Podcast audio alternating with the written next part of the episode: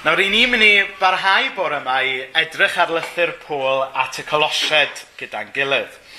Um, llythyr oedd hwn at um, eglwys sydd yn hwrcu heddiw.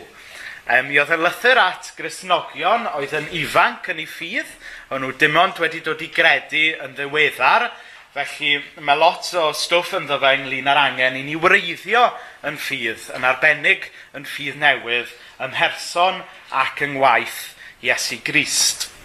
Um, yn y penodau agoriadol, mae, mae Paul yn rhoi y darlun mawr lle mae e'n sôn am Iesu yn ben dros bopeth.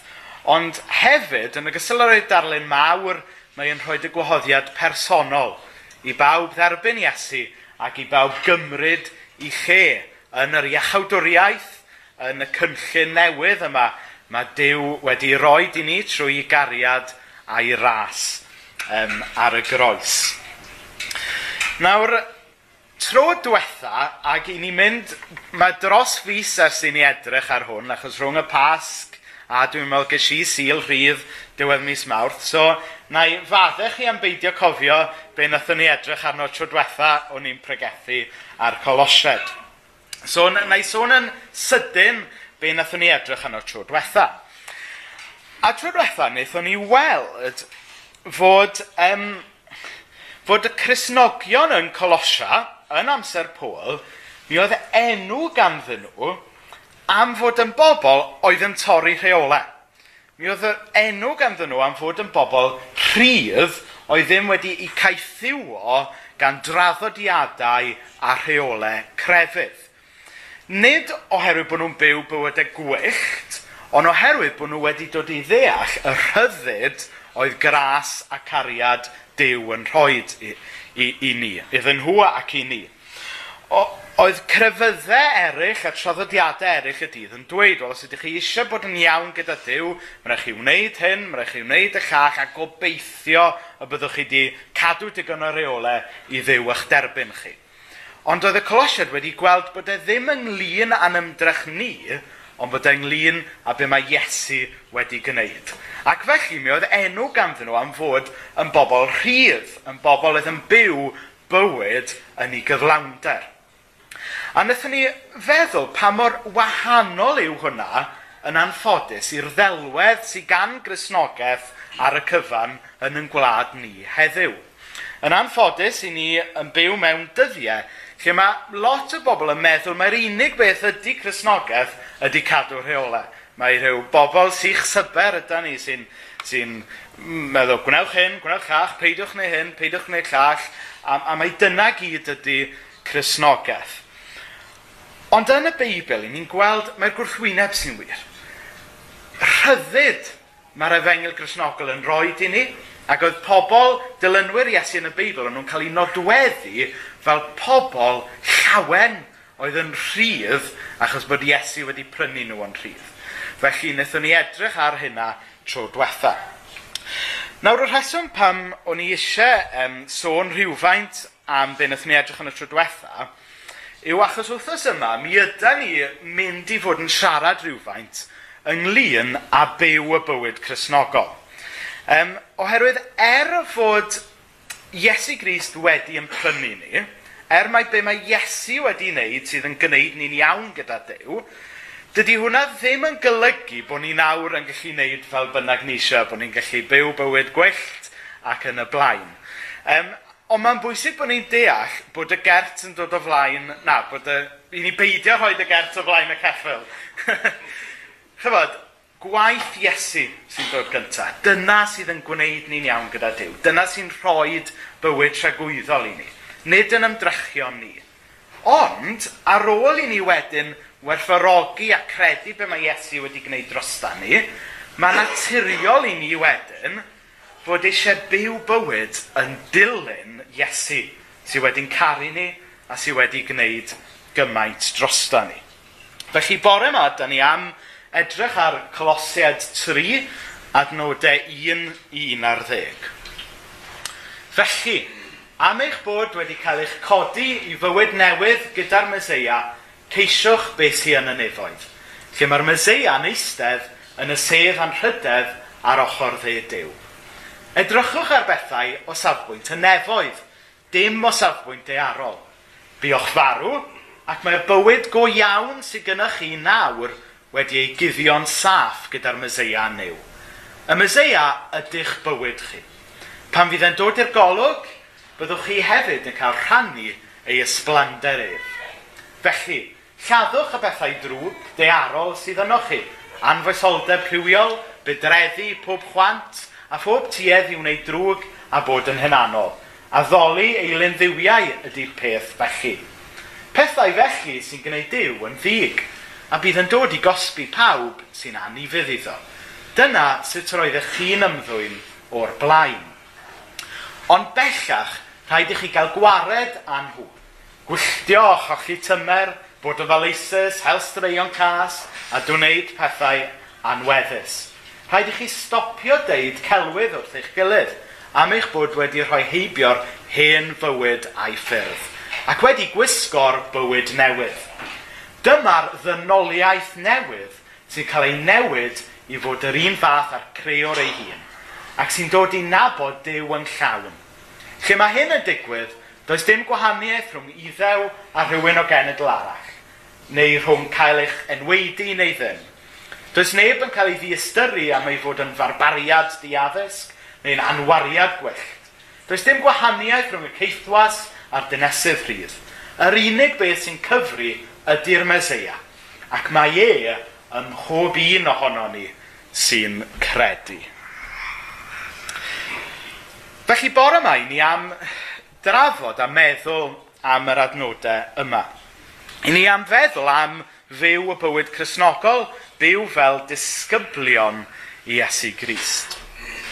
Nawr pan fyddwn ni yn sôn am fyw y bywyd chrysnogol, byddwch chi'n clywed pobl fel fi yn aml yn defnyddio rhyw phrases sy'n swndio'n glyfar ond ddim wir yn ddefnyddiol. Pethau fel, dydy e ddim ynglyn â'n ymdrech ni, mae e ynglyn â Iesu'n gweithio yn omni.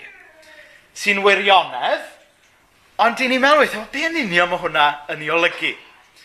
Neu un arall, os ydyn ni am fyw bywyd yn dilyn Iesu, rhaid i ni gadw ein llygaid arno fe rhywbeth sy'n eto yn wir, a dwi'n meddwl bod y Beibl yn ei ddysgu fe. Ond beth yn union mae'r phrases yma yn ei olygu ynglyn â byw bywyd fel disgyblion i Iesu Grist. A gobeithio heddiw y gallwn ni fynd yn ddyfnach i ddeall be mae'n golygu i fod yn ddisgybl i Iesu a be mae'n golygu i fyw yng ngoleini y ffaith bod ni nawr yn blant gras. Nawr, yr allwedd dwi'n meddwl i ddeall sut i ni'n gallu byw y bywyd chrysnogol a byw fel disgyblon i Iesu ydy deall yr hunaniaeth newydd, yr identity newydd mae cariad a gras Dyw wedi rhoi i ni. Nawr, dwi, mae gen i ddau ddelwedd er mwyn helpu ni i ddeall hyn. Y cyntaf ydy plentyn yn cael ei fabwysiadu. Nawr, um, dwi'n yn siŵr faint o'n chi yma um, sydd wedi bod trwy y broses yma yn eich tilio chi. Dwi'n gwybod bod um, brawd Andrew wedi bod trwy'r broses yn ddiweddar o fabwysiadu plentyn hyfryd iawn. Nawr, mae yna lot o barrels um, yn y broses o fabwysiadu plentyn gyda be mae Dyw yn, yn, yn gwneud i ni wrth yn prynu ni a roed hunaniaeth newydd i ni.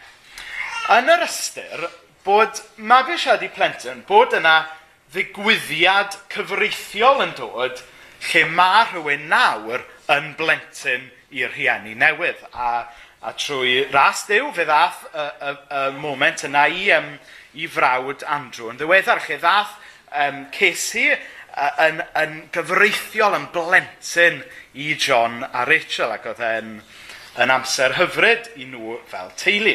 So mae yna foment yn dod, mae yna ddigwyddiad yn dod. A'r paralel gyda hynna ydy be nath diw i ni ar y groes. Fe nath e yn prynu ni, mi oedd e yn event. Um, mae yna stori ddoniol dwi wedi rhannu hi o blaen, bod um, ynglyn â uh, Americanwr Tony Campolo yn iste gyda rhywun ar yr awyren ac um, a eisiau tystiolaethu a siarad gyda fa am Iesu. Um, a mae e'n holi y, y dyn oedd yn ystod pwys ar y, ar y wyren, o, ydy chi'n Gristion.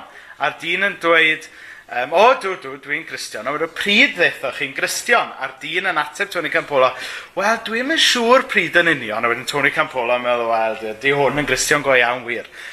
A, a wedyn, dwi'n mynd siŵr pryd eisiau Gristion, ond oedd e tua 2000 o flynyddoedd yn ôl. Hynny yw, y gwirionedd yna, wrth gwrs, mi ydyn ni gyd yn dod i adnabod Iesu ar rhyw amser penodol yn de. Ond y gwaith yn ar y groes oedd y digwyddiad nath yn prynu ni 2000 o flynyddoedd yn ôl.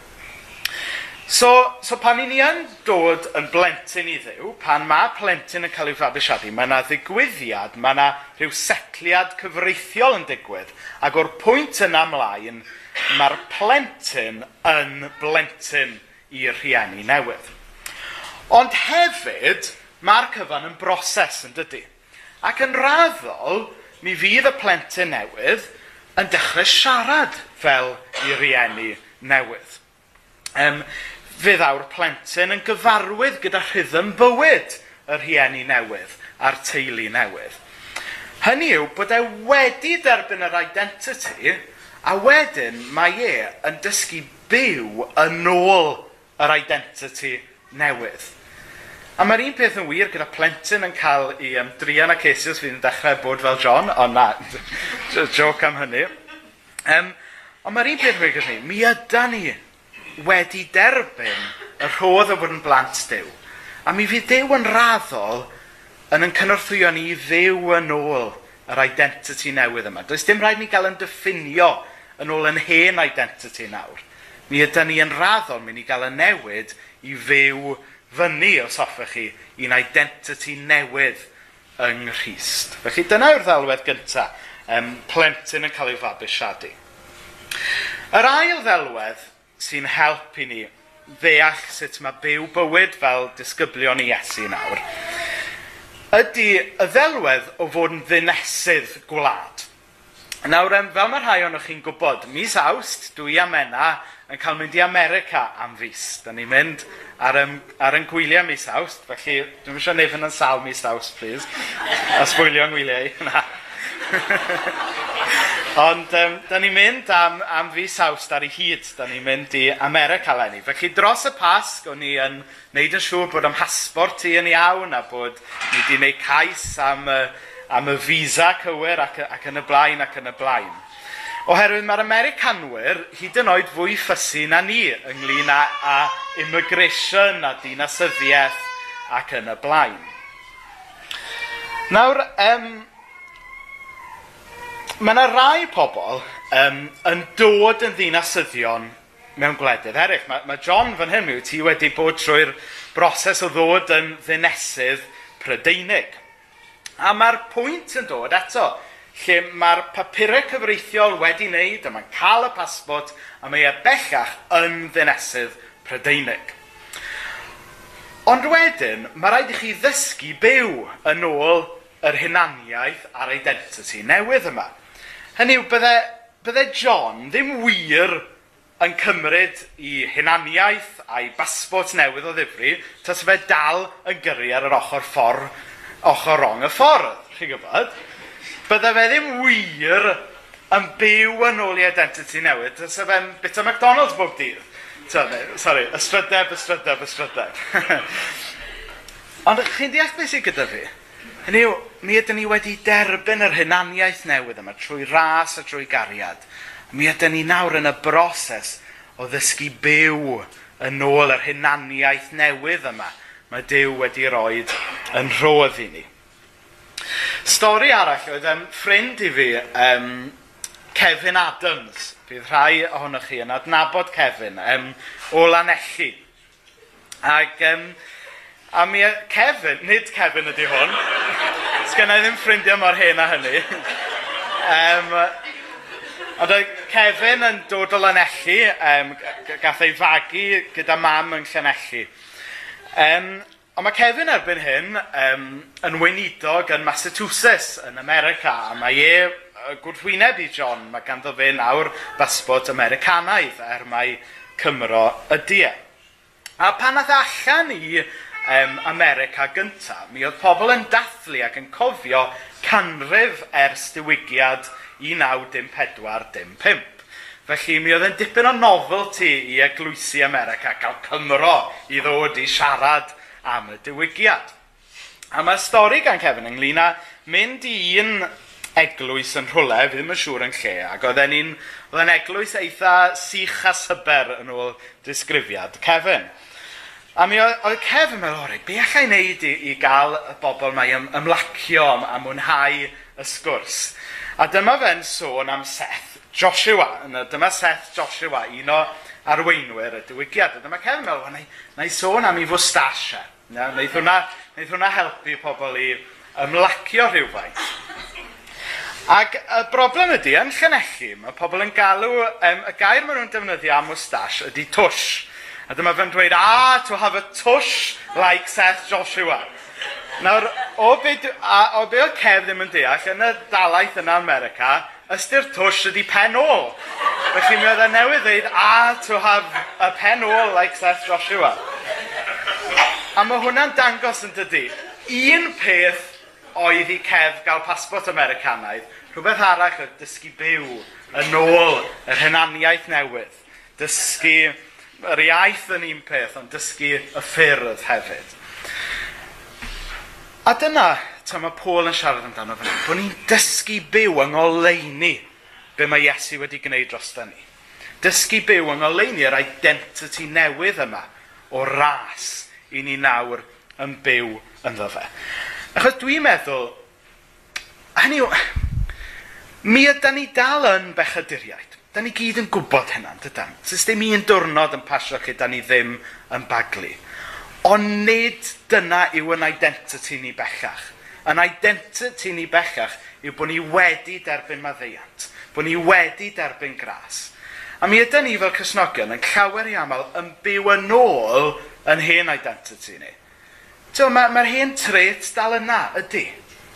Ond sy'n rhaid i ni gael yn diffinio bellach wrth yn hen identity ni o bellach. Bellach mi ydyn ni yn blant diw. Mi ydyn ni wedi cael yn prynu. Mi ydyn ni nawr yn blant gras. Felly os ydyn ni am fyw fel ddisgyblion i Iesu, mae o ynglyn â byw yn ôl yr hunaniaeth newydd yma sydd gyda ni. Felly, um, mae yna sawl peth arall gallu di ddweud, ond dyna, dyna sut dwi am i ni geisio deall yr adnodau cyntaf yma heno. Nawr dwi am i ni fy mlaen nawr i edrych yn benodol ar adnod chwech. Nawr, um, nawr mae'r adnod yma'n trafod rhywbeth pwysig, a mae'n trafod rhywbeth o bosib mod i yn eog o beidio i daclo yn ddigon aml o bosib, sef y cwestiwn anodd i ryw raddau ynglyn â barn gyfiawn Dyw. Nawr, un o'r rhesymau pam bod fi yn licio pregethu cyfresu trwy lyfrau o'r Beibl yw bod e yn eich gorfodi chi i daclo popeth, chi'n gwybod. Ehm, taswn ni o, o un sil i'r llall jyst yn dewis pregethu ar, ar hap yn y Beibl, mae yna rai adnodau bydden ni'n ysgoi, chi'n gwybod. Bydde, mae yna rai pynciau, rai cwestiynau yn y Beibl byddwn ni'n dewis falle peidio i taclo. Ond wrth fynd trwy lyfr y Beibl, pan mae pethau anodd, pan mae pethau chetwyth yn dod, yna mae rhaid i ni i taclo nhw. Ac o bosib, i rai bod beth sy'n yn yr adnod yma yn anodd ac yn gofyn cwestiynau. Adnod chwech, Pethau felly sy'n gwneud Dyw yn ddig, a bydd yn dod i gosfi pawb sy'n anifedd iddo. Nawr mae'r gwirionedd anodd yma fan hyn bod Dyw yn gallu bod yn ddig a bod Dyw yn cosbi drygioni. A mae hwn yn syniad anodd i ni gael i ben o'i gwmpas, achos bod ni hefyd yn gwybod bod y Beibl mewn mannau eraill yn dweud bod Dyw yn ddiw cariad. A'r broblem intellectual sydd gyda ni wedyn yw ceisio cysoni y ddau beth. Sut y gallwn ni ddweud bod Dyw yn ddew cariad, ond wedyn hefyd dweud bod Dyw yn gallu bod yn ddig ac yn gallu cosbi um, dyrygioni. Nawr, gobeithio gallwn ni ddeall rhywfaint o hyn gyda'n gilydd yn sydyn nawr. Nawr, mae yna lyfr um, dylanwadol o gwmpas ers degawdau gan J.I. Packer o'r enw Knowing God. A wnaethon ni fynd trwyddi yn y cyfarfod nos fawrth o, rhyw 5 mlynedd yn ôl erbyn hyn, mae amser yn pasio yn sydyn iawn. Ac yn y llyfr yma, mae, mae Jim Packer yn, yn trafod cymeriad Dyw ymysg bethau eraill. Ac, um, a be mae J. Packer yn dweud? Bod, bod syniad reit niwlog gan lot o bobl dyddi yma ynglyn â cymeriad Dyw. Oherwydd bod gyda chi dau gam syniad cyffredinol. Yn siŵr bod sawl un arall yn bod dau. Ar un llaw, bod rhai pobl yn credu, ie, dew cariad dew, ond bod nhw jyst yn deall y cariad yn yr ystyr fluffy y gair cariad, fel Teddy Bear math o beth, chybod. Ac ar y llaw arall, bod gyda chi rai bobl y gwrhineb llwyr sy'n jyst yn meddwl am ddew fel y dew barn sy'n iste ar, ar ei orsedd yn tyfo bwrw chi yn lawr a chi'n clywed pobl yn dweud yn ddilornus pan mae mellt y tyranne bod Dyw yn symud i ddodref yna. So, so gyda chi'r ddau gam syniad yma ynglyn â cymeriad Dyw. Un, bod Dyw yn ddiw cariad i'r ystyr bod e yn softi, ac ar y llaw arall bod Dyw jyst yn ddiw cas sy'n llawn barn. Ond yn y llyfr yma gan Packer, mae'n mae, e, gwneud job gwych ynglyn â esbonio cymeriad crwn y Dyw byw. A byddwn ni'n annog chi ddarllen y llyfr yma os nad ydych chi wedi wneud. A'r ddelwedd gyntaf mae Packer yn rhannu ydy cymharu y gwahaniaeth rhwng Sean Corn a tad go iawn. Nawr mae Sean Corn jyst yn troi lan unwaith y flwyddyn, rhoi anrhegion tywallt i gariad i holl blant y byd a wedyn yn hedfan ffwrdd a cuddio am flwyddyn arall. Lle mae tad go iawn gyda'i blant bob dydd. Wrth gwrs, mae e'n dangos i gariad ac yn tywell i gariad um, fel Sean Corn. Ond mae'r tad go iawn hefyd yn goffod delio gyda pethau anodd. Mae'r tad go iawn hefyd yn gorfod sefyll dros yr hyn sy'n gywir a chyfiawn. A mae hwnna'n rhan, nid yn wrthwyneb i'w gariadau, ond yn rhan o'i gariadau, yn dydy. Hynny yw, mae mena fi yn caru yn gilydd, Ond weithiau, mae Mena yn goffod deud pethau wrtha i sydd yn ymrifo i. A, a, a dwi'n raddol yn dechrau dod i ddeall hyn. Ond mae e'n llesol i fi, yn dydy? Mae e'n llesol i ni weithiau i ddelio gyda stwff anodd yn dydy. A mae gwir gariad yn gariad gonest sy'n sefyll dros yr hyn sydd yn wir, sy'n sefyll dros yr hyn sydd yn gyfiawn. So dyna'r ddelwedd gyntaf mae Packer yn rhannu yn ei lyfr. Yr ail un um, ydy yr un yma. Nawr mae'n amser yr etholiad yn dydy, so da ni'n clywed am y gwleidyddion hyd syrffed ar y teledu. Nawr cymerwch chi bod gyda chi brif weinidog iawn yn y wlad sydd yn llawn cariad. Mae e'n hael iawn gyda ni gyd. Um, mae e'n rhoi mwy na beth i ni angen. Mae e'n cyhoeddi fod gwyl banc pob dydd llun. Mae e'n rhoi trwydded teledu am ddim i bawb. Mae e'n rhoi byspas am ddim i bawb. Nid just um, er pobl sy'n cael nhw, pobl dros beth pimp.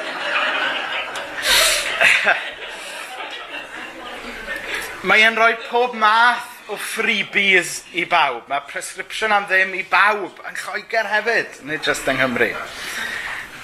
Pwy fydde eisiau byw yn y wlad lle mae'r prifweinidog yma yn llywodraethu? Bydden ni gyd, yn bydden ni. Mae ei gyd yn syndio yn gret. Ond, mae yna ochr arall i'r prif weinidog yma. Mae e'n ofnadw o soft. Mae e'n gadael pobl beryglus allan o'r carchar yn fian. Mae e'n gadael i heddweision chwarae cricet drwy dydd yn lle chaso pobl drwg. Mae e'n dweithio pobl anhofio am yr highway code. Gewch chi yrru trwy bynnag chi moyn. Pa bynnag ochr y ffordd chi moyn, pa bynnag speed chi moyn. Ac er bod y prif weinidog yma'n hael iawn, does dim trefn hefyd. Dwi e ddim yn sefyll dros yr hyn sy'n gywir. Dwi e ddim yn sefyll dros gyfiawnder. Ac yn sydyn reit, mae'r rhyddid yma oedden ni'n meddwl oedden ni'n cael yn diflannu wrth i anghyfraith ac i gymdeithas dorri i lawr. Scratch the surface, a doedd hwn wir ddim yn rhywle braf i fyw. Hynny yw mae rhaid i arweinydd, mae rhaid i ddew cyfiawn sy'n llaw cariad – weithiau neu penderfyniadau anodd yn does, er mwyn dod â cyfiawnder. A mae hwnna'n bwynt eithriadol o bwysig ynglyn â barn Dyw. Sef yn dilyn barn Dyw, mae cyfiawnder yn dod. A mae pawb eisiau cyfiawnder yn dydyn. Ni ni wedi clywed yn drist iawn dros y dyddiau diwetha yn dydyn ynglyn â'r y dyn yn hir a'r glwyddi sydd um, sydd o bosib yn euog o droseddau um, ond mae e wedi mynd rhy hen i sefyll i achos. A mae hwnna'n brifo lot o bobl, achos bod pobl ddim yn teimlo bod cyfiawnder yn cael ei le. Mi ydym ni gyd yn deall y syniad bod ni eisiau cyfiawnder. Felly er mwyn deall barn Dyw, i ni angen deall e ngoleini cyfiawnder. A mae hwnna'n bo'n canodd yn gobeithio bod y hyn o beth wedi helpu ni i, i feddwl fwy ynglyn ohono honno fel. Os so, ydy Dyw wir yn ddew cariad, mae e'n gorfod sefyll dros yr hyn sy'n gywir ac yn gorfod sefyll dros yr hyn sydd yn gyfiawn.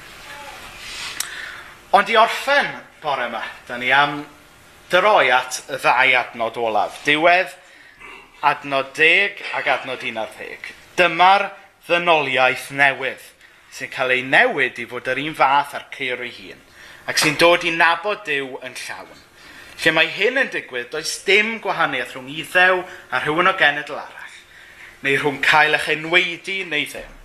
Does neb yn cael ei ddiystyru am ei fod yn farbariad i addysg neu'n anwariad gwyllt. Does dim gwahaniaeth rhwng y ceithwas a'r dynesydd rhydd.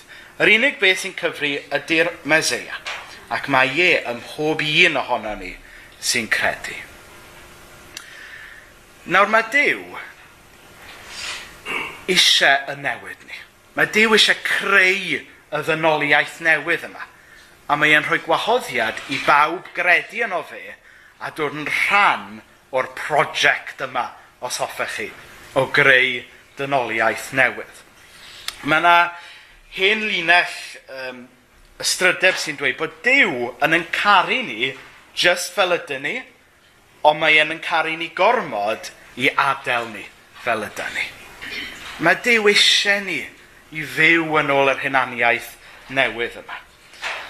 A mae'r adnodau yma'n hyfryd, y ddelwedd yma, bod Dyw am greu dynoliaeth newydd. A mae Dyw yn rhoi dy fyraint i ni i gael bod y brics mae e'n ei defnyddio i greu y ddynoliaeth newydd yma. Nawr, fyny grisiau, mi ydy ni yn adnewyddu yr adeilad fel i chi gyd yn gwybod.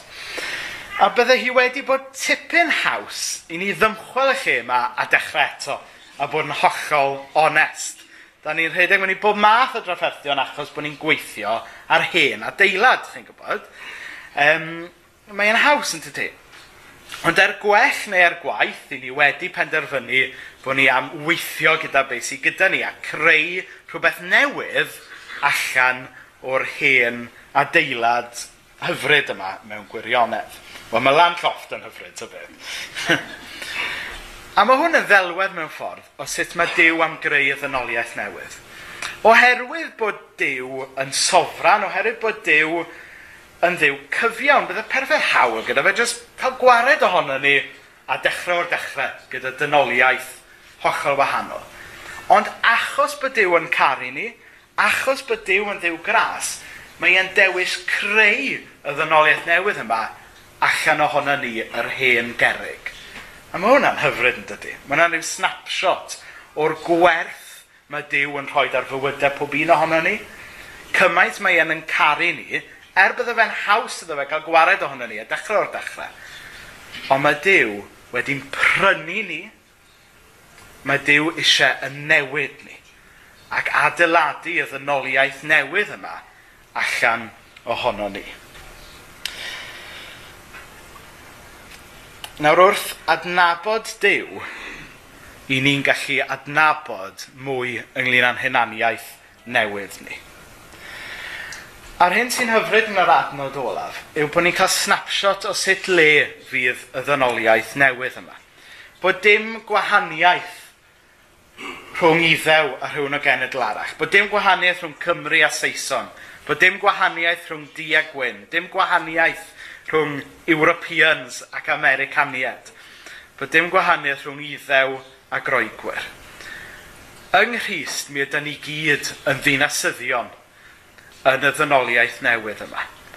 A mae hwn yn newyddion da i'r byd sydd wedi rannu yn dydy. Mae hwn yn efengil tangnefedd i ddynoliaeth sydd wedi rannu gan ryfel, casineb ac anghyfiawnder. A heddiw, mae yna wahoddiad i ni gyd dderbyn Iesu sydd wedi gwneud iawn am yn holl feia ni ac i ni ddechrau'r daith o fyw yn ôl y pasbwrt newydd. Yr hunaniaeth newydd yma sydd gyda ni trwy ras a cariad Dyw. Amen. Amen.